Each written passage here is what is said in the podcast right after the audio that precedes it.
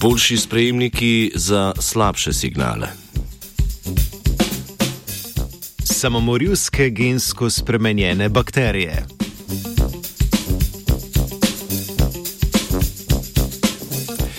Elektrotehniki z Univerze v Kaliforniji so uspeli razviti nov tip sprejemnika za najbolj prikrite signale.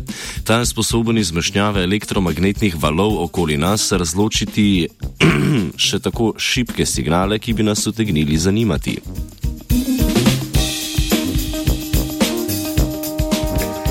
Šuma oziroma motečega signala, ki ga ne želimo ujeti s sprejemnikom, je v naravi veliko.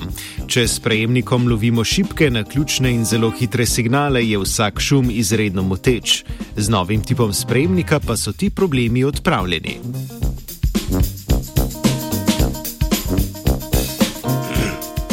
Novi sprejemnik s pomočjo kloniranja signala in prečesavanja različnih frekvenc sprejetega signala in šuma sestavi množico kopij, ki so obarvane glede na valovno dolžino signalov.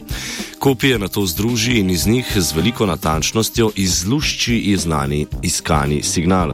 S tem postopkom je raziskovalcem uspelo ujeti sunek signala, ki je trajal le 80 biljonink sekunde.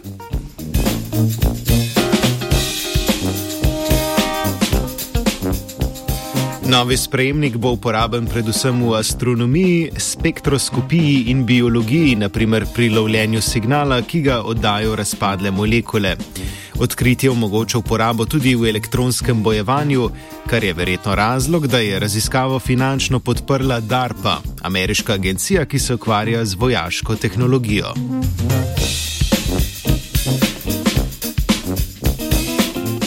Bakteriji Escherichia coli rečemo tudi delovni kon biotehnologije, ker je najpogosteje uporabljen gensko spremenjeni organizem v biotehnoloških procesih.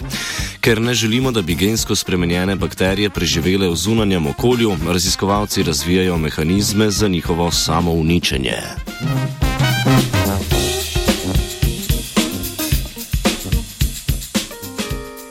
Tako so raziskovalci z MIT-ja in Harvarda v reviji Nature Chemical Biology predstavili sintezno biološke genske konstrukte, ki ob izražanju uspešno pobijajo E. coli, v katero so jih ustavili.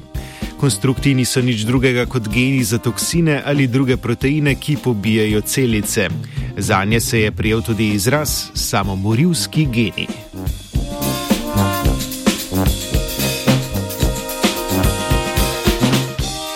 Raziskovalci so razvili dva takšna konstrukta, ki so jo poimenovali Deadman in Passcode. Bakterija z genskim konstruktom Deadman potrebuje kemikalijo, ki utiša izražanje samomorilskih genov, da preživi.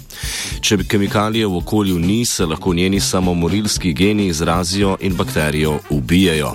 Po drugi strani so konstrukti Passcode bolj kompleksni. Da bakterija s konstruktom Passcode preživi, mora biti izpolnjenih več pogojev. Prisotni morata biti dve različni molekuli molekuli, neka tretja molekula pa mora biti nujno odsotna.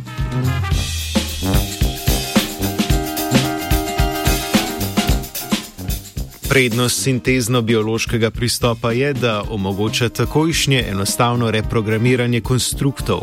Po želji lahko znanstveniki v prihodnje spremenijo pogoje, ki so potrebni za preživetje bakterij z ustavljenimi konstrukti, mehanizme ubijanja in regulacijo samomorilskih konstruktov.